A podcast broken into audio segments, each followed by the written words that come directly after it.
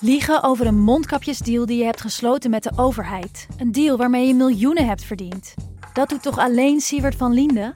Nou, nee. Ik ben Felicia Alberding en in de Mondkapjesmiljonairs duik ik met een team van correspondenten in andere schandalen. Want wist je dat Siewert helemaal niet uniek is? Luister de Mondkapjesmiljonairs in je Podimo-app. Of ga naar podimo.nl slash mondkapjes.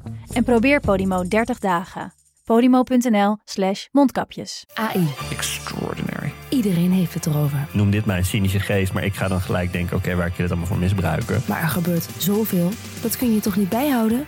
Jawel. Want er is Poki, een podcast over kunstmatige intelligentie waarin ik praat met supernerd Alexander Klupping Je kijkt me nu aan een soort van hoezo misbruik. en techfilosoof Wietse Hagen Kunnen we dit normaliseren? Willen we dit normaliseren? over de wondere wereld van AI. Do you like me? Status error. Luister, Poki. Ik ga nu ophangen. Bedankt.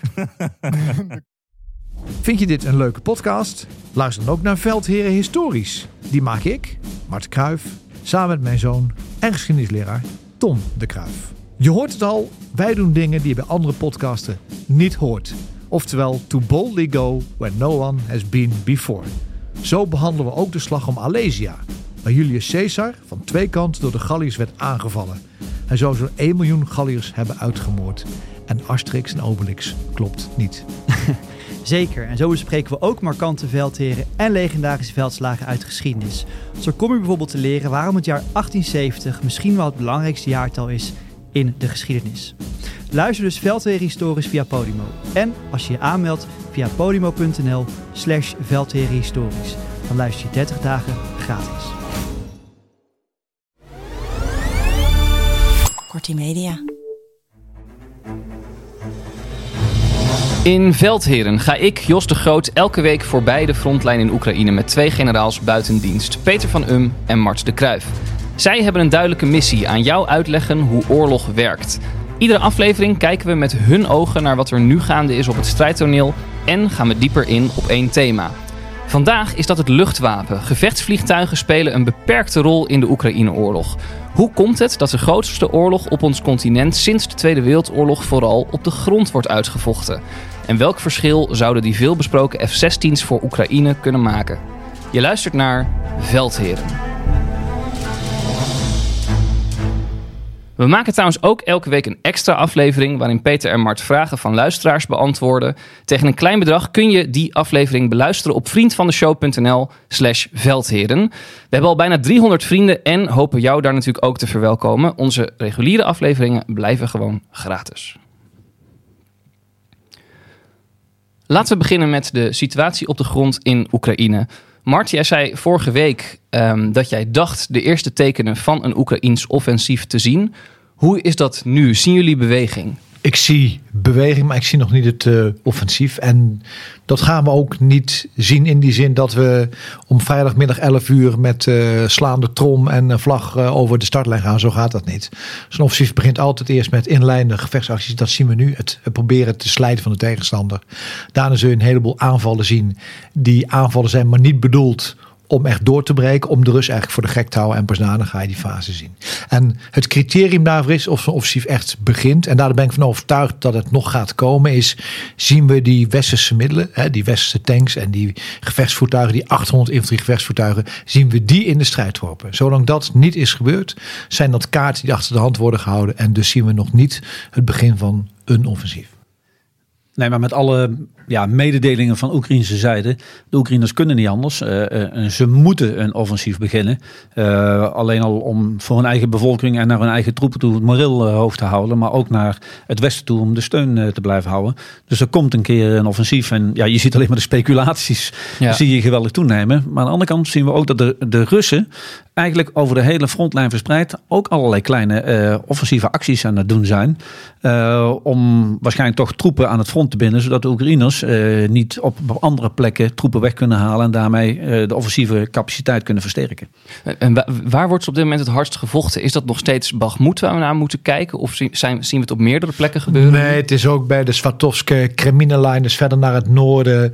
Uh, bij Voeledar meer in het zuiden wordt ook gevochten. Maar dat zijn echt eh, lokale gevechtsacties op, op, zoals wij dat zouden noemen, op tactisch niveau. Dus op laag eh, niveau. Het is dus niet zo dat er niets gebeurt. Je ziet ook dat de Russen nog steeds bezig zijn met de verdedigingsvoorbereidingen. Ze evacueren mensen, al of niet gedwongen, of ze deporteren mensen. Het is maar hoe je dat noemt. Vooral bij Zaporizhia in de omgeving is het aan de gang. En je ziet dat de Russen de luchtoorlog hebben opgevoerd in die zin dat ze nu vrij veel middelen vanuit de ruimte inzetten, waaronder die hypersone wapens. Ja, komen zo. Niet om dat energiesysteem van Oekraïne aan te vallen, maar om militaire doelen van Oekraïne aan te vallen. Dus dat is wel veranderd. Ja, maar even vanuit de ruimte. Uh, dan denken mensen dat het space is. Uh, nee, nee, dat nee, bedoelen we niet. Nee, het is gewoon een raket die je van grote hoogte afvuurt. En eigenlijk door de combinatie van snelheid en hoogte kan het ding hartstikke snel. Maar ja, het schijnt dat ook de Patriot mee heeft neergeschoten. Alhoewel we dat maar eens een keer bevestigd moeten zien. Ja, want het, toch dat was, is een luchtafweerraket die het Ja, was wel een opvallend bericht van deze week. Hè, want uh, de Oekraïnse luchtmacht zei dat ze voor het eerst een Russische hypersonische raket uit de lucht hebben geschoten. Met inderdaad dat Patriot afweersysteem ik wil vragen, ja, wat vinden jullie ervan? Maar de eerste vraag is meteen van, ja, hoe moet je dit serieus nemen, toch? Nou, ik zou het wel serieus nemen. Moet je het geloven? En, en, en als het uh, be bewaarheid wordt, dan denk ik dat we allemaal in het Westen wel willen weten hoe, hoe ze dat gedaan hebben. En dan willen we allemaal uh, wel tapes terugzien of filmpjes terugzien van, van welke beelden heb je gekregen, welke signaal heb je gekregen, hoe heb je erop kunnen reageren, hoe heb je hem gedetecteerd. Dus ik denk dat iedereen zeer benieuwd is, als dit echt gebeurd is, dat ze het, waarom, hoe ze het gedaan hebben. Want waarom is het zo bijzonder als dit zou zijn gelukt? Nou ja, omdat uh, Poetin heeft gezegd uh, een aantal jaren terug dat hij een wonderwapen had, wat tot niemand te onderscheppen was.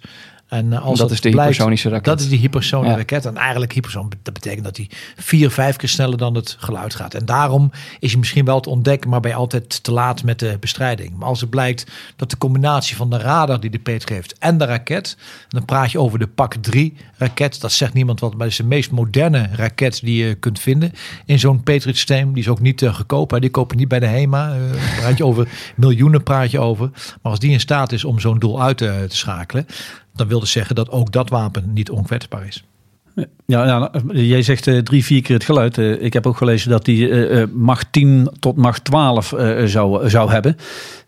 ik weet het niet, maar in ieder geval gaat hij verdomde snel. Ja, dus als dat bericht waar zou zijn, als Oekraïne hier de waarheid zou spreken, dan is het dus wel degelijk heel bijzonder dat ze die uit de lucht hebben gehaald. Ja, en dan misschien is dat, ook dan is dat echt een, dan is dat echt een militair nieuwtje. Ja. Ja. Ja, um, het is de week van 9 mei. Dat is voor de Russen natuurlijk de jaarlijkse dag van de overwinning. Poetin geeft dan elk jaar een speech. En waar ik even bij stil wil staan. Mart, jij was afgelopen maandag. zat jij aan tafel bij Eva Jinek. Uh, om te praten over de oorlog. En daar zei jij het volgende. Dit was dus nog voor de dag van de overwinning. Morgen gaat uh, Poetin een speech geven. Maar wat verwacht je dat hij uh, met die speech wil bereiken? Morgen zal de toon zijn: wij worden aangevallen door NAVO, door het Westen. Wij moeten ons allemaal achter de leiders scharen, want wij worden bedreigd. Ons voortbestaan, onze cultuur, onze geschiedenis wordt bedreigd. En naar het Westen zal de boodschap zijn: kijk, wij zijn er nog. Wij kunnen gewoon uh, volhouden. Best een aardige voorspelling. Ja, maar zo moeilijk was het niet. Laat eerlijk zijn, jongens. Het is geen raketwetenschap. Wat moet hij anders zeggen daar? je ziet dat hij al tijden met een campagne bezig is om zijn eigen volk achter zich te scharen. De enige mogelijkheid om te winnen is dat hij deze oorlog op tijd gaat winnen. Dus laat zien dat hij nog steeds deze oorlog kan volhouden. Het is te veel eer om dit een briljante voorspelling te laten zijn hoor. Zij Poetin is waar, waar jullie van opkeken? Nee, wat mij, wat mij betreft uh, niet echt. Nee. Uh, ik denk dat we met z'n allen meer keken naar uh, wat komt er allemaal voorbij. Ja, want het is met, met de militaire parade. Ja. Was niet zo indrukwekkend deze keren. Nou ja, ik vind het nog steeds indrukwekkend. Maar, maar in, als je het verhouding, tot, in verhouding ja. tot het verleden uh, is dat niet zo. Een uh, aantal gasten uh, waren ook van, van minder allooi, om het zo maar te zeggen. Dus ja, daar, daar kun, je, kun je dingen van aflezen. Maar, maar zijn, ik ben het Mart eens, zijn tekst was niet opzienbarend. en, en, en natuurlijk alleen maar voor de nationale consumptie bedoeld. Ja. Er was één tank bij de parade. Opvallend? Ja. Ja, uh, dat was denk ik opvallend. Uh, uh, een oude T34. En ja, ik, ik word dan altijd nerveus als ik dat soort spul zie. Want ja, als je tijdens zo'n parade dat ding het begeeft, die het even niet doet, ja, dan ga je voor, voor het oog van de hele wereld af. En ik, ik moest toch wel gelijk terugdenken aan de enige brede parade die ik echt zelf ooit heb gedaan. Eh, toen waren, zaten we in Libanon en toen ging het hele Nederlandse bataljon ging terug uit Libanon. En ja, dat materiaal dat was flink gesleten. Dat, dat, had, ja, dat hard moeten werken. Uh, aan het eind waren niet alle reservedelen meer. Dus uiteindelijk heeft er iemand in de staf, ik niet hoor, die heeft besloten dat nou die parade doen we. Maar die doen we wel uh, bergafwaarts. Zodat als een motor het begeeft, dan kunnen we gewoon doorrollen en hopen dat de remmen het nou doen. Ja, ja, ja, dus in die zin uh, herkenbaar, uh, herkenbaar plaatje. Ja, ja, ik denk dat daar uh, in, in Moskou toch een paar met billen samengeknepen hebben gezeten. Van ik hoop dat alles blijft draaien. Want ja, ze, ze hebben natuurlijk alle capaciteit aan onderhoud en reservedelen. Hebben ze keihard nodig aan het front. Ja. Iemand die ook van zich liet horen op 9 mei, dat was natuurlijk de baas van het huurlingenleger van Wagner, Prigozhin. Uh, precies op het moment dat Poetin op het Rode Plein stond. En hij zei dat de Russische legersoldaten posities verlaten bij Bakhmut. En dat de Russische staat niet in staat zou zijn om het eigen land te verdedigen. Is dat ook gebleken de afgelopen dagen, dagen wat Prigozhin dus zei?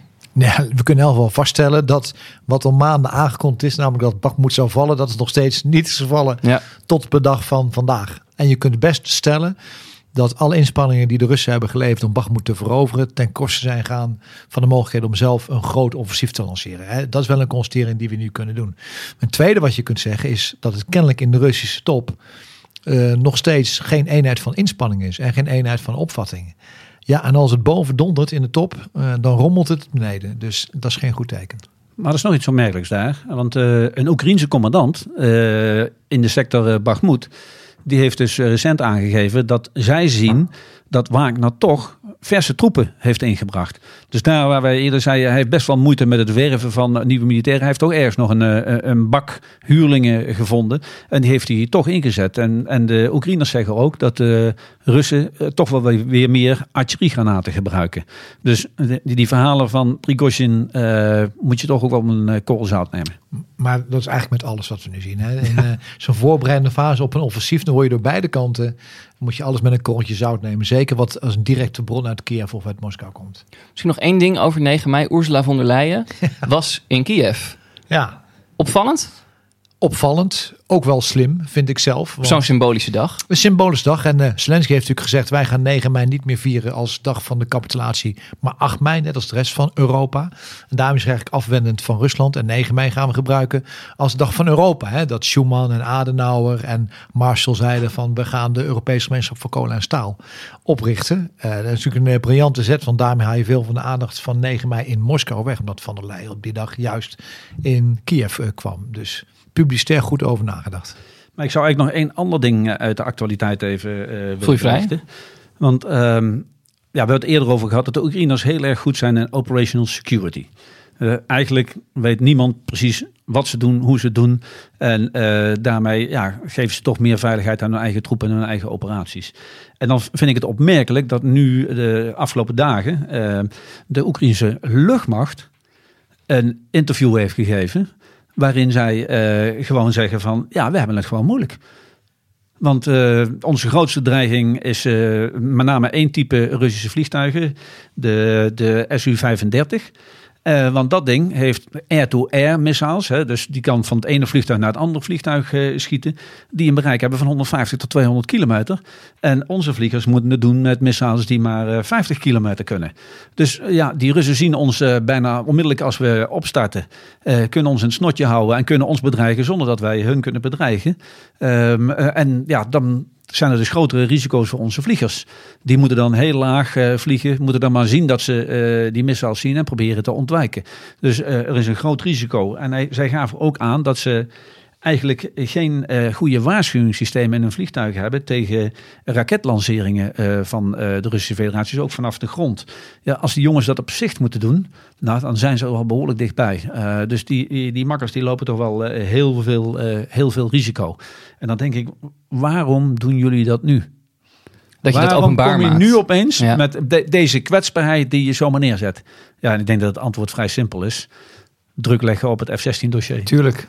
Een lichte opmaat naar de F-16.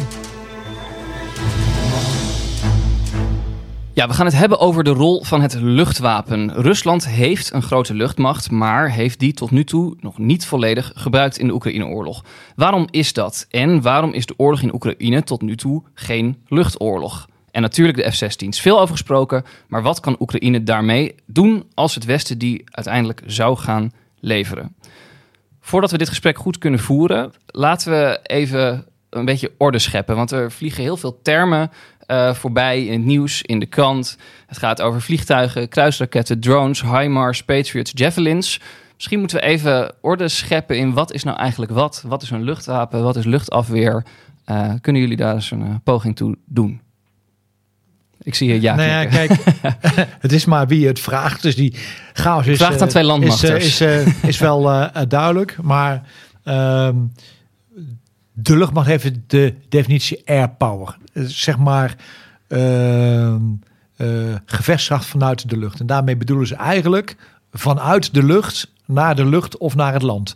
Maar het platform vliegt. Hè? Dat noemen zij air power. Dus als je praat over een kruisraket die van de grond wordt afgevuurd en die gaat naar een doel in een diepte, vinden ze dat het geen airpower. Zij kijken dus echt naar dat soort zaken. Praat even niet over lucht. Of wordt afgevuurd van een onderzeeboot bijvoorbeeld. Dat kan ook. Dat kan ook. Uh, en dan praten we even niet over transport door de lucht en dat soort dingen. En helikopters. Dat iedereen. Maar eigenlijk, wat vliegt, heeft een effect of op iets anders wat vliegt, of op de grond. En dat definieert ze dan als airpower. Ja, en in, uh, in die airpower, daar uh, heb je natuurlijk de gevechtsvliegtuigen. Dat is, voor iedereen, daar heeft iedereen beeld bij. Wat Mart al zegt, daarachter zitten natuurlijk ook gewoon transportvliegtuigen. Daar zitten helikopters achter. Um, maar je hebt dus ook dingen die van de grond de lucht inschieten. En dat kan allebei aan luchtverdediging doen. Dus je hebt luchtverdediging met vliegtuigen tegen vliegtuigen. Maar je hebt dus ook luchtverdediging vanaf de grond. En dat noemen ze dus de grondlucht verdediging. Uh, dus de oude woord lucht afweren, om het zo maar te zeggen. Uh, ja, dat die is hebben... bijvoorbeeld ook zo'n HIMARS die de super, super hypersonische raket uit de lucht heeft gehaald. bijna, bijna goed. Ah. De Patriot. Ja, de, de Patriot. Oh, dat was de Patriot. Oh, ja, Want nu begin je verwarring te zijn. Ja, uh, zelf. Dan breng je ons ook in verwarring. Maar, maar, maar dat is heel goed. Nee, maar is heel, nee, maar is heel goed dat je dat doet. Ja. Want de HIMARS schiet vanaf de grond ja. Naar 80 tot 150 kilometer verder doelen op de grond. De HIMARS is niet gemaakt om doelen uit de lucht te halen. Ja. ja maar je hebt dus ook uh, systemen waarmee je dus vijandelijke vliegtuigen uit de lucht kunt halen. Ja. Nou, de simpelste die iedereen kent, dat zijn de geschouderde wapens. Hè? Uh, Stingers, de Grail, uh, aan, de, aan de Sovjetkant van vroeger. Dus een mannetje staat met een ding op zijn schouder. Die moet, krijgt misschien een voorwaarschuwing door een radar. Maar uiteindelijk moet hij met wat wij dan noemen de eyeball mark 1 dat is gewoon je oog. Ja. ja uh, moet hij dat doel uh, zien. Ja. En uh, ja, en ik hebben naast dat soort jongens gestaan in de Stingerbol. Dat is een grote koepel. En daar wordt dan op, op het dak wordt geprojecteerd wat een doel kan zijn. Nou, ik sta naast die jongens en dan hoor je die jongens zeggen vliegtuig. En, en dan ben ik van waar, waar, waar. Ik zie helemaal niks. Maar die makkers die zijn zo getraind, die halen gewoon op grote afstand al een vliegtuig. En dan uh, kunnen ze hun systeem erop lokken en dan ben je wel de pineut als, uh, als vlieger. Dus dat is het meest simpele systeem. Dan heb je met kanonnen de lucht inschieten. En bijvoorbeeld de Duitsers hebben de Gepard uh, aan de Oekraïners gegeven. Dat is een, uh, eigenlijk een soort snelvuurkanon hè, met twee lopen. Uh, is op een gepantserd voertuig. dat is gewoon, ja, die schiet dus heel veel, eigenlijk hele grove schoten hagel, schiet die de lucht in. En dan heb je uh, weer de grotere raketsystemen. En dan kom je uiteindelijk bij de Patriot uit, die ook op grote hoogte uh, vliegende vliegtuigen, maar ook kruisraketten en zo eruit kan halen. Ja. Dus het is, ik snap dat het voor de luisteraars best wel een beetje verwarrend is af en toe. Nou, maar dit was heel helder volgens mij. Maar als je dan spreekt van een luchtoorlog, hè, je leest het steeds, je hoort steeds, jullie zeggen het ook, het is nog geen luchtoorlog. Maar als je daarvan spreekt, welke wapens horen daar dan bij? Wanneer is het een luchtoorlog? Uh, bij een luchtoorlog is het doel om te zorgen dat jij het luchtruim kunt gebruiken en jouw tegenstander niet. Waardoor je eigenlijk op de grond zoveel mogelijk vrijheid verhandelen krijgt. Dat is het doel van een luchtoorlog. Um, en dat kan zijn door het luchtruim te beheersen, dat is één. Uh, maar er is ook een breder iets in. Er zijn ook mensen die denken dat als je de lucht beheerst uh, en uh, je kunt dus niet alleen alles op het land beïnvloeden, maar ook een tegenstander uitschakelen, een tegenstander vernietigen. En zodanig vernietigen op de grond dat hij zegt: ik stop met vechten. En dat zijn dus mensen die zeggen: de luchtoorlog is in een conflict beslissend. Want als je vanuit de lucht een tegenstander kunt vernietigen, zijn industrie, zijn commandocentrales, zijn steden, dan kun je eigenlijk elke oorlog winnen. dat is een beetje de theorie. Ja, en om het makkelijk te maken, dan heb je het algemeen luchtoverwicht, hè, waar Mart over spreekt. Maar je kunt ook tijdelijk en plaatselijk luchtoverwicht bevechten. En dan heb je in ieder geval gedurende een bepaalde tijd de vrijheid dat je geen vijandelijke tegenstanders in de lucht hebt. Dan zet je dus heel veel effort op een bepaalde plek neer. En dat is dan of om daar iets vanuit de lucht aan te grijpen, of om een landoperatie uh, te ondersteunen. Ja. Dus dat, dat, dat kan ook nog uh, zo zijn. Over uh, dit onderwerp krijgen we een vraag van luisteraar Dennis Robel. En hij mailt ons ik vraag me af hoe jullie de staat van de Russische land, uh, luchtmacht pardon, inschatten. We, ja. ja. wat weten we dat eigenlijk? Hoe nou ja, goed die ervoor staat? Dit was een beetje de theorie van de luchtoorlog. Mm -hmm. Er zijn heel veel mensen geweest die zich hebben uitgesproken over waarom we de Russische luchtmacht nog zo weinig zien tot nu toe. Hè? Want ja. volgens de specialisten, en dat ben ik niet, is driekwart van de Russische luchtmacht nog niet in, uh, ingezet. Maar de redenen die, de, die ze daarvoor geven zijn niet alleen tactisch, dus we houden wat achter de hand, maar vooral omdat de kisten, zo noemen ze dat, uh, heel veel onderhoud vergen en weinig inzetbaar zijn. Dus waar bij ons zeg maar 50% van de F-16 vliegt, het is gewoon een onderhoudsgevoelig iets. Vliegt daar een van de vier kisten, ja, dan kun je al veel minder. Uh, de vliegers zijn minder opgeleid, dragen minder vlieguren, komt ook door tekort aan vliegtuigen en daardoor dus minder ervaren. Om even dat te benoemen, een Russisch vlieger vliegt ongeveer ruim 100 uur per jaar en een NATO-vlieger moet meer dan 200 uur per jaar vliegen om geoefend te kunnen zijn, om in oorlogsomstandigheden te kunnen worden ingezet. Dan moet je ook nog eens een keer leren dat je niet alleen vliegt, maar met anderen. Dus hangt een radarvliegtuig boven, die hangt een tanker boven je. Je moet dus, dat noemen ze in een pakket, in een package kunnen vliegen. Moet je ook nog een keer trainen.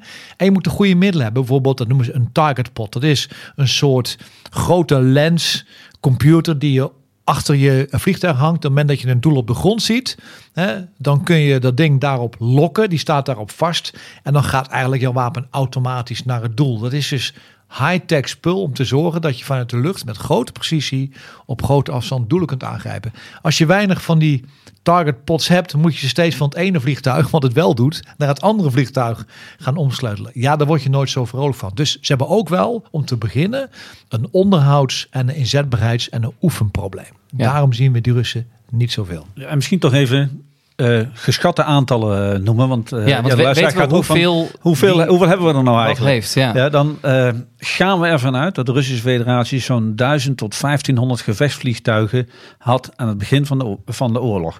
Daarvan zegt men dat er zo'n 300 in en rond, of niet in rond de Oekraïne stonden. Dus in Rusland, maar ook in, in Wit-Rusland. De Oekraïners, daar zegt men van dat ze 60 tot 120 gevechtsvliegtuigen houden. Dus eigenlijk is het de staat van uh, 10 staat tot 1. En dan is natuurlijk de vraag van hoe inzetbaar zijn die vliegtuigen? Ja, wij um, we weten dat er op social media zijn er beelden van Russische vliegers die gewoon een civiele GPS-apparaat in hun cockpit met, een cockpit met tape hebben vastgeplakt omdat hun uh, GPS het niet doet of het niet goed doet. Ja, dan begin je je wel vragen te stellen over uh, hoe, ja, hoe, goed het, hoe goed het allemaal uh, werkt. En dan daarnaast, hoe kun je dan met die middelen echt op het hoogste niveau onder de grootste geweldsdreiging, hoe kun je dat tot effect brengen. Want ja, misschien wel de, de top van het luchtwapen of het moeilijkste voor hun is een, een campagne waarbij ze de vijandelijke luchtverdediging proberen te onderdrukken. Suppression of uh, enemy air defense. Maar dan kom je in de termen waar Marten praat. Dan moet je dus early warning vliegtuigen hebben hangen die de geleiding gaan doen. Dan moet je uh, radarvliegtuigen hebben die de radars onderdrukken van de tegenstander, zijn radars voor de luchtverdediging. Dan moet je vliegtuigen hebben die raketten hebben die kunnen inzoomen op die radars en die radars kunnen uitschakelen. En dan kun je nog eens een keer vliegtuigen hebben die de daadwerkelijk resteffecten op de grond gaan brengen. Nou, dat is een heel complex samenstel wat goed georchestreerd moet worden. Ja, en als je dan weet dat de Russische vliegers, zoals Mart eigenlijk net zegt, ja, uh, natuurlijk, ze hebben gevechtservaringen. Ze hebben in Georgië gevlogen. Uh, ze vliegen in Syrië. Uh, maar dat zijn allemaal met een paar vliegtuigen bij elkaar en niet in zulke moeilijke packages. Dus uh, ja, niveau van opleiding zegt ook iets uh, over de inzetbaarheid uiteindelijk van hun luchtstrijdkrachten. We, we komen met dit verhaal voorzichtig bij de belangrijkste vraag. Deze oorlog woedt natuurlijk al meer dan een jaar voort. En dat heel veel mensen de vraag hebben: hoe kan het nou dat het, dat het dus maar op de grond uitgevochten blijft worden? Kunnen jullie je analyse daarvan eens geven? Ja, ik, ik zou dan graag eerst teruggaan naar het begin van de oorlog. Mhm. En we hebben er al eens eerder eh, aan geraakt volgens mij in onze podcast. Maar eh, eigenlijk als militairen zijn we allemaal verbaasd dat de Russen in het begin niet gelijk met een air campaign, zoals het dan heet hè, in, in onze vaktermen, ehm, echt geprobeerd hebben het luchtoverwicht te bevechten. En ja, het is gissen natuurlijk waarom ze het niet gedaan hebben. Maar dan kom je op dingen als ten eerste, ze hebben geen integraal commando. Waar echt alle afwegingen worden gemaakt over alle mogelijkheden die je hebt, met alle middelen die je hebt. Dat is, dat is dan niet gebeurd. Waarschijnlijk hebben ze de grondcampagne niet willen verraden. eh, in ieder geval de, de tijd en de plaats. En eh, dus hebben ze de verrassing niet weg willen doen door met de lucht te beginnen. Want zo'n campagne doe je eigenlijk voor het grondoptreden uit. En dan ja, telt ook nog eens een keer het optimisme, de misschien wel de niet realistische eh, verwachtingen die ze hadden van hun grondcampagne. Van we fixen het toch wel. Dus waar, waarvoor zouden we dit doen? En een ander punt wat ik zeker dan wil noemen is de doctrine van de Russen. In Rusland kijkt men toch nog wel. Mart heeft net uitgelegd wat de rol van de luchtstrijdkrachten eh, kan zijn. Maar bij de Russen kijken ze toch nog wel naar de luchtstrijdkrachten. Is eigenlijk ja, een ondersteuning voor de landstrijdkrachten. Zij kijken nog een beetje naar de luchtstrijdkrachten als vliegende artillerie. En ja, als je er zo in zit, dan ga je dus anders om met je training, met de doctrine op lagere niveaus. Eh, de ervaring die je dan opdoet is dan ook anders. Dus dat dat allemaal mee waarom ze uiteindelijk ja, dit niet gedaan hebben. En Oekraïne heeft erop geanticipeerd. Het is bekend dat aan het begin van de oorlog Oekraïne een groot deel van zijn luchtafweer heeft uitgeschakeld. De radar, want als je de radar niet kunt vinden en je gaat bewegen met je luchtafweer, kun je hem ook niet uitschakelen. Uh, en dat de Oekraïnse vliegvelden eigenlijk leeg waren bij het begin van de oorlog. Omdat ze wisten, als een aircampaign komt, gaan ze eerst op onze vliegvelden af en op onze vliegtuigen af die op de grond staan. Dus je ziet dat Oekraïne er wel op heeft geparticipeerd. Um, daar komt nog een keer bij dat als jij uh, luchtoverwicht over heel Oekraïne constant wilt handhaven, heb je natuurlijk een enorme hoeveelheid kisten nodig. Nou, dat, hebben de Russen niet. Dus je moet altijd gaan voor tijdelijk en plaatselijk uh, luchtoverwicht. En het blijkt dat met name de steun vanuit het westen, die stingers hè, vanaf de grond, die eigenlijk vliegers dwingen om hoog te gaan vliegen. In combinatie met de luchtafweer die ze nu krijgen, Patriot. Dat is toch wel, blijft wel effectief. Niet over heel Oekraïne. Je kunt niet alles verdedigen. Er zit ook afschrikking in. Patriot kan dat niet, maar dat maakt voor de Russen moeilijk. Ja. Je moet dus een operatie goed voorbereiden. Je gaat niet even denken, oh het is, uh, ik heb net mijn lunchwacht terug. Ik vlieg even naar Oekraïne. Ik ga een paar bommen gooien. En dan komt bij dat na de eerste fase van de oorlog in de operationele pauze Poetin eigenlijk heeft gezegd, of heeft moeten zeggen, de integratie tussen lucht en grond loopt voor geen meter. En dat is echt een vak, dat weten we uit Afghanistan. Hoe krijg je vanaf de grond een vliegtuig op het goede doel, op de juiste koers met de juiste informatie? En hij heeft die twee, die twee campagnes helemaal uit elkaar getrokken, zeg maar. Hij zegt, de landmacht doet zijn eigen ding, wordt ondersteund door kanonnen, maar ook door helikopters die daarvoor gemaakt zijn. En hele speciale vliegtuigen die helemaal zijn gemaakt om die grondroepen te kunnen ondersteunen. De rest van de luchtmacht zet ik diep in Oekraïne in. En die ga ik die energiecentrales, commandocentrales laten aanvallen. Dus je ziet dat de synergie daar tussen wat er op de grond gebeurt en de lucht gebeurt, die is eigenlijk niet aanwezig. En daar komt erbij wat Peter zei. Ja, wat je ziet als geoefende artillerie, dat werkt dus niet, want die integratie werkt niet. Dus hebben ze hem als geoefende artillerie anders neergezet, los van de grondstrijdkrachten.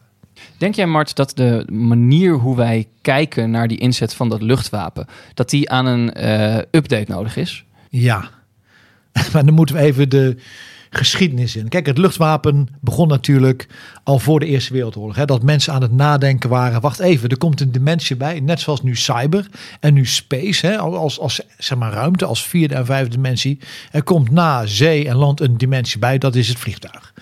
En we kennen wel de Zeppelins boven Londen. Die grote sigaren. Eh, die uh, ballonnen boven Londen. We kennen de vliegtuigen in de Eerste Wereldoorlog.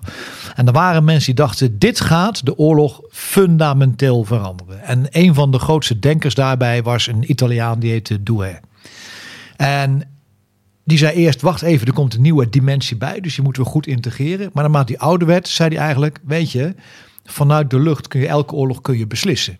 En dus het zeedomein en het gronddomein zijn ondergeschikt aan het luchtdomein. En hij deed dat met de kreet, the bomber always gets through. He? Als je kunt bombarderen vanuit de lucht, win je altijd. Want je kunt een tegenstander plat bombarderen in zijn, in zijn bevolkingscentra, zijn industrie, zijn regeringscentra. En dan geeft een tegenstander op.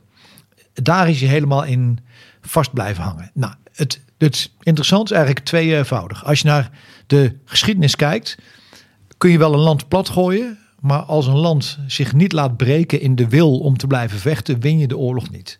En wij kennen natuurlijk het voorbeeld dat we werden bedreigd met Utrecht en Amsterdam in de meidagen 40. En we zeiden om goede redenen, oké, wij capituleren nu. Maar Vietnam bijvoorbeeld, met de Amerikaanse luchtmacht, we kennen wel die films met die B-52 en die bommentapijten, leidden niet tot een nederlaag van Noord-Vietnam.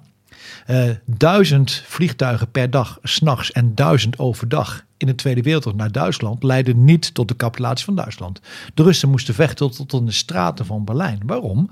Omdat opgeven voor de Duitsers om een diversiteit aan redenen geen optie was. Dus je kunt best wel aan de theorie twijfelen. Dat is één. Maar een tweede is. Wat doet de luchtmacht? Eigenlijk drie dingen om het heel simpel te houden. Dat is het luchtruim voor jezelf winnen dat kun je defensief doen door een tegenstander uitschakelen. Of offensief om hem op zijn grondgebied uitschakelen. Verkennen, dus inlichtingen inwinnen. En grondroepen steunen. Dat kan zijn op het slagveld. Maar het kan ook gronddoelen in de diepte zijn. Commandocentrale. En je ziet nu dat de technologie die de luchtmacht zo heeft gestimuleerd in het begin. Die gaat nu misschien wel een andere dimensie aan de luchtmacht geven. Want het verkennen kan vanuit de lucht, maar kun je ook met een heleboel andere dingen. Kun je met cyber doen, kun je vanuit space doen. Dus dat wordt breder. En vaak met onbemande vliegtuigen, dus dat blijft wel in de lucht. Maar de vraag is, moet je dat nog met bemande systemen doen of komen er allemaal alternatieven? En een tweede, wat wel interessant is, is het steunen van eenheden op de grond of het aangrijpen van doelen in de diepte. Daarvoor hoef je niet meer de lucht in. Zo'n HIMARS die schiet op 300 kilometer tot op een meter nauwkeurig. Kan je doel gaan uitschakelen. En waarom zou je dan dure vlieguren en kostbare middelen gebruiken om doelen op de grond uit te schakelen? Dus de technologie gaat ook die dimensie veranderen en aantasten. Dus moet je blijven denken in effecten en niet in eh, dogma's. Wat betekent dat nou? Wat is nou de kracht van het luchtwapen? En dat blijft het ook. Je kunt een kist de ene keer naar Noord-Oekraïne sturen en zes uur later naar Zuid-Oekraïne sturen. Dat is de flexibiliteit. Dat is de, uh, de ingebouwde flexibiliteit die het luchtwapen heeft. Hè, dat kun je doen. Uh, maar dat moet je wel goed voorbereiden. En die flexibiliteit moet je wel gaan uitbuiten. Dus bijvoorbeeld als Oekraïne gaat doorbreken, zul je zien dat op die plek Oekraïne alles aan zal doen om zijn luchtverdediging daar te hebben. En de Russen daar het luchtoverwicht willen hebben. Dat blijft ook zo. Alleen naarmate de dracht van die systemen op de grond langer wordt, wordt ook die relevantie minder. Dus ik denk dat als je praat over airpower in de meest brede zin van het woord, zal het vooral gaan over inlichtingen inwinnen en het beheersen van het luchtruim om vrij te verhandelen op de grond te hebben. Die taak van het uitschakelen van doelen op de grond zal steeds minder worden, want daar heb je andere, goedkopere, betere en snellere middelen voor. Nou Peter, uh, wat denk je? Ik wil, wil die laatste wel, wel oppakken, ook kijkend uh, naar wat er in Oekraïne aan de hand is. Mm je ziet dat de Oekraïners voor het steunen van de troepen in het front aan de grond. Dat ze toch uh, veelvuldig met uh, ja, de, de, de, domme bommen en dergelijke uh, moeten steunen. de Russen hebben wat betere munitie die op afstand kan, maar daar hebben ze niet veel van. En dan wat op langere afstand zit, dat gebruiken ze tegenwoordig om die campagne te houden tegen bevolkingscentra en nou ja, doelen ver achter het front. Dus ook de Russische piloten, als die de troepen aan het front moeten steunen, zie je dat ze al meer gedwongen worden om ook naar de uh, simpelere munitiesoorten toe te gaan. Daar zit wel een maar aan. En dat is dat je veel dichter bij het front moet komen, dat je laag moet vliegen, uh, dat, je, dat vraagt veel meer van de vliegers, om het zo maar te zeggen, uh, in de zin van skills, maar ook in risico's. dan moet je dat goed coördineren met je eigen luchtverdediging. Want in die gebieden waar jij wil vliegen, moet je wel tegen je jongens op de grond zeggen die naar boven staan te kijken van het is wel even simpel om uh, even goed dat je even niet schiet en dat je goed in de gaten houdt. Van, en je hebt natuurlijk identificatiemiddelen waarmee je je eigen troepen kunt vinden. Maar het zijn wel momenten van secondes. Dus, en wat zien we? Als je aan de Russische kant doctrinair dit niet goed hebt staan en je dus ook niet oefent, dan zie je dat de grondluchtverdediging van de Russen gewoon ook een bedreiging voor hun eigen vliegers is. En we weten bijvoorbeeld in Georgië, daar hebben de Russen, naar men zegt, zes vliegtuigen verloren. Drie daarvan hebben ze zelf neergeschoten. Dus ja, hoe zou de situatie momenteel zijn? Ik denk dat ze het nog steeds niet helemaal onder de knie hebben. En denk dat de Russische vliegers net zo bang zijn voor hun eigen grondluchtverdediging als die van de Oekraïners. En er is nog één punt ook wel goed om even te duiden, denk ik. Mensen zeggen, ja, waarom hebben we bijvoorbeeld nog tanks nodig? Hebben we ook een aflevering over gehad. Ja. Als je gevechtshelikopters hebt of jachtvliegtuigen hebt. En het is op zich een hele juiste constatering. Alleen een jachtvliegtuig of een helikopter, eh, die heeft niet zoveel tijd om boven het doel te blijven. Als die bij je komt, komt hij vanaf een vliegveld, stijgt hij op, dan verbruikt hij brandstof. Als je hem half uur boven je hebt, dan heb je geluk. Daarna moet hij weer terug. Of ergens in de lucht tanken, maar je bent hem kwijt. En als het slecht weer is, heb je normaal weinig aan. Een tank is gewoon 24-7 inzetbaar in elk weersoorten. Dus de flexibiliteit van de luchtmacht is een hele grote kracht. Daar moet je ook nooit van weggaan. Maar betekent ook dat het geen vervanger is van andere middelen op de grond. En dat is nou precies hoe je naar oorlog moet kijken. Je moet de middelen die je hebt in hun kracht inzetten en niet in een beperking. Dus het moet aanvullen wat er gebeurt. Kijk, ook, ook je, je vliegers, ja, je kunt ze achter elkaar eh, voortdurend van de ene kist in de andere stoppen en maar laten vliegen. Maar op een gegeven moment valt hij gewoon naar beneden. Ja, eh, en, en een chauffeur van een panzervoertuig, ja, die gebruikt zijn, zijn slaapje, dat is nou voor vijf minuten wat hij even heeft. En als het, als het echt fout gaat en hij valt in slaap, dan slaapt zijn commandant er wel op zijn, op zijn helm van, hey vriend, wakker blijven. Dus die vliegers, dat is echt een zeer complex, moeilijk vak waar ik alleen maar eh, diep respect voor kan hebben. Maar die kun je niet tot in den treuren voortdurend inzetten. Want die jongens die moeten daarboven gewoon hartstikke scherp zijn. Ja. Eh, dus het is niet alleen eh, hoeveel kisten heb je, maar ook wat kun je van je, van je vliegers vragen. En eh, nou, toen ik met de luchtmobiele brigade, het was een oefensituatie, geen echte oorlog, geef ik onmiddellijk toe. Maar toen moesten we de grote test doen van de luchtmobiele brigade. En toen hadden we allerlei Polen als vijand tegenover ons in een terrein wat zij heel goed kenden. En daar zat men ons zo op de huid met die Polen dat we op een gegeven moment, zoals het dan heet, alle uren van onze Ap- Apaches verzadigd hadden. Apaches, helikopters. Ja, de Apache-helikopters. Ja. Dus die kon ik niet meer inzetten, want eh, ja, die, die jongens die vielen bijna om eh, in hun kist. En eh, ja, dan wordt het heel precair. Eh, want het, ik was zo blij met die dingen. Ja. Ja. laat daar geen misverstand over zijn. En dan moet je het wel op de grond eh, uiteindelijk opknappen. En ja, dat is, ik vind nog steeds een schitterend verhaal. Want eh, van één bataljon, een mortiergroepje, die dachten van nou, aan die mortier hebben we nu even niks. En die lieten die mortier staan, die pakten allemaal draagbare antitankwapens. En, en die, die jasten er gewoon tien tanks panzervoertuigen uit van die Polen met z'n drietjes. Ja. Ik wil nog even met jullie naar de F-16's. Ehm, natuurlijk veel discussie over geweest, nog steeds, over de levering van F-16's. Oekraïne heeft er nadrukkelijk om gevraagd. Rutte heeft gezegd, het wordt besproken. Ehm, misschien gewoon een vraag, Peter. Denken jullie dat ze er gaan komen? En zo ja, welke rol zou zo'n F-16 nou kunnen gaan spelen? Hè, gaat dat een verschil maken in Oekraïne? Nou, of ze er gaan komen, weet ik niet. Maar als je al. kijkt naar de discussie en eigenlijk ook de mentale stappen die we in het Westen hebben gemaakt, dan zou je kunnen zeggen dat het een logisch vervolg, een next step is eh, eh, in de gedachtegang in het Westen, dat we op een gegeven moment toch eh, op een of andere manier F-16's aan hun gaan geven. We hebben er al vliegtuigen aan Oekraïne gegeven. Hè? Vanuit een aantal Oost-Europese NAVO-partners hebben we al eh, MIGs aan hun gegeven. Maar De MIGs, dat zijn ook oude Sovjet ja, zijn eh, oude eh, ja. vliegtuigen. Alleen die hebben dezelfde eh, makken, als ik het even mag zeggen, waar ik het er straks over had. Die hebben ook maar wapens die niet zo ver reiken als de nieuwste van de Russische vliegtuigen. Dus ja, daar het is fijn voor de Oekraïners, maar ze willen natuurlijk meer. Maar ja, we hebben het er eerder over gehad. Eh, het risico wat het Westen ziet is dat eh, ja, Poetin gaat zonder meer zeggen: Ik zie nou wel, de NAVO is tegen ons. Ik word bevestigd in mijn, eh, zoals het netjes heet, narratief, hè, in mijn verhaal. Ehm, en ja, met deze middelen kunnen ze nog makkelijker even over de grens heen eh, gaan en eh, doelen in Rusland of Wit-Rusland aanvallen. En ja, dat zou tot een eh, grote escalatie kunnen leiden. Ja. Kijk, er zijn denk ik twee landen die op dit moment bedenking hebben om een F-16 in te zetten. Dat is allereerst Duitsland, omdat ze het zullen zien als een escalatie van NAVO-kant. En Duitsland is gewoon van, eh, van huis uit, van oudsher eigenlijk, heel voorzichtig bij. Zeker de Sociaal-Democratische Partij, die nu ook de bondskanselier leeft, die is er heel terughoudend in geweest. En een tweede is natuurlijk het land wat ze uiteindelijk beslist of ze geleefd gaan worden. En dat is de Verenigde Staten. Want het is een Amerikaans vliegtuig, dat is één. Maar het gros van de reservedelen en de munitie moet ook uit de Verenigde Staten komen om te laten vliegen. Dat is twee. En zo'n ding is eigenlijk een vliegende computer. Dus alle software-updates moeten ook altijd uit de Verenigde Staten komen. Kortom, zonder VS vliegt hij niet. Alleen volgend jaar zijn de presidentsverkiezingen in de VS. Wat gaat daar gebeuren in de aanloop daar naartoe?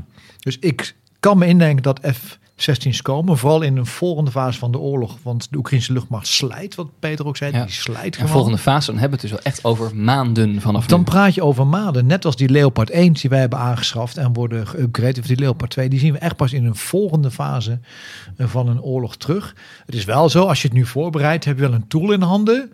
Wat je snel kunt inzetten. Dus het zou mij niet verbazen als Oekraïnse vliegers al ergens worden opgeleid. En dat soort dingen. Dat gaat ongetwijfeld, vindt dat nu plaats. Maar het besluit om ze ook daadwerkelijk te gaan leveren. Is echt een besluit wat politieke consequenties heeft. En ook op politiek niveau genomen zou worden. En ik denk dat waarom komt Zelensky naar Nederland? Omdat hij denkt, Mark Rutte heeft een goede band met de Verenigde Staten. Is al twaalf jaar een bekend Europees politicus. Die heeft invloed. Laat ik die vooral proberen te bewerken. En dat is een volstrekt logische keus. Ja, in dat ehm, interview waar ik het eh, eerder over had, van die, die Oekraïnse luchtmachter, Ja. daar eh, zegt hij ook, ja, wij- als wij mensen moeten gaan opleiden, ja, we hebben ze wel hier nodig. Dus we kunnen hooguit kleine clubjes wegsturen en eh, we zullen toch het gros hier moeten houden. We kunnen niet in één keer die klap maken. En we hebben natuurlijk ervaringsgegevens van landen die eh, van Sovjet-Unie vliegtuigen overgingen naar westerse vliegtuigen. Een aantal Oost-Europese landen, maar een mooi voorbeeld is ook Finland, die op een gegeven moment dat besluit hebben genomen. En dat heeft de Finnen gewoon een jaar gekost om gewoon die omslag te maken. En ik geloof dat Mart het al eerder heeft gezegd. eh, Het gaat niet alleen om de vliegtuigen en de vliegers. Het gaat om het hele systeem erachter. Ja. Het gaat ook over de monteurs. Het gaat over het beheer van je reservedelen. En niet onbelangrijk, de Oekraïnse eh, start- en landingsbanen moeten worden aangepast. Want eh, die moeten gewoon langer worden. En nou, ik heb begrepen... Ja, dat is- zeg je, die moeten gewoon langer worden, maar dat, dat, dat is nogal wat natuurlijk. Ja, tuurlijk. Ja. Ja, zo- ja, zo'n asfalt... logistieke operatie is gigantisch. Zo- nee, maar zo'n asfaltstrook is wel even aangelegd. Dat, dat, dat, dat is nog wat te doen. Maar ze moeten ook schoner worden. Ja. Want ja, onder die F-16 zit die hele grote stofzuiger. Eh, iedereen kent die, dat, grote gat onder de cockpit wel. Eh, en, ja, die kan er niet zo goed tegen als daar bij de start en landing van alles naar binnen komt. Maar je kunt wel een strook asfalt neerleggen. Maar de Russen zijn niet op hun achterhoofd gevallen. En die gaan echt zien waar jij die stroken eh, asfalt neerlegt. Dus aan één strook heb je niet zoveel. Want ja, die wordt gewoon eh, aangegrepen door de Russen. Dus je zult meerdere van die stroken moeten neerleggen. En dat moet wel allemaal gebeuren voordat je überhaupt maar kunt denken dat je operationeel kunt worden met F-16's. Ik wil afsluiten met een vraag van een luisteraar, Erik Volgering. Hij vraagt ons: ehm, Ik zie vooralsnog amper bemoeienissen van de luchtmacht in Oekraïne. Wat verwachten jullie hiervan in de aanstaande offensieve?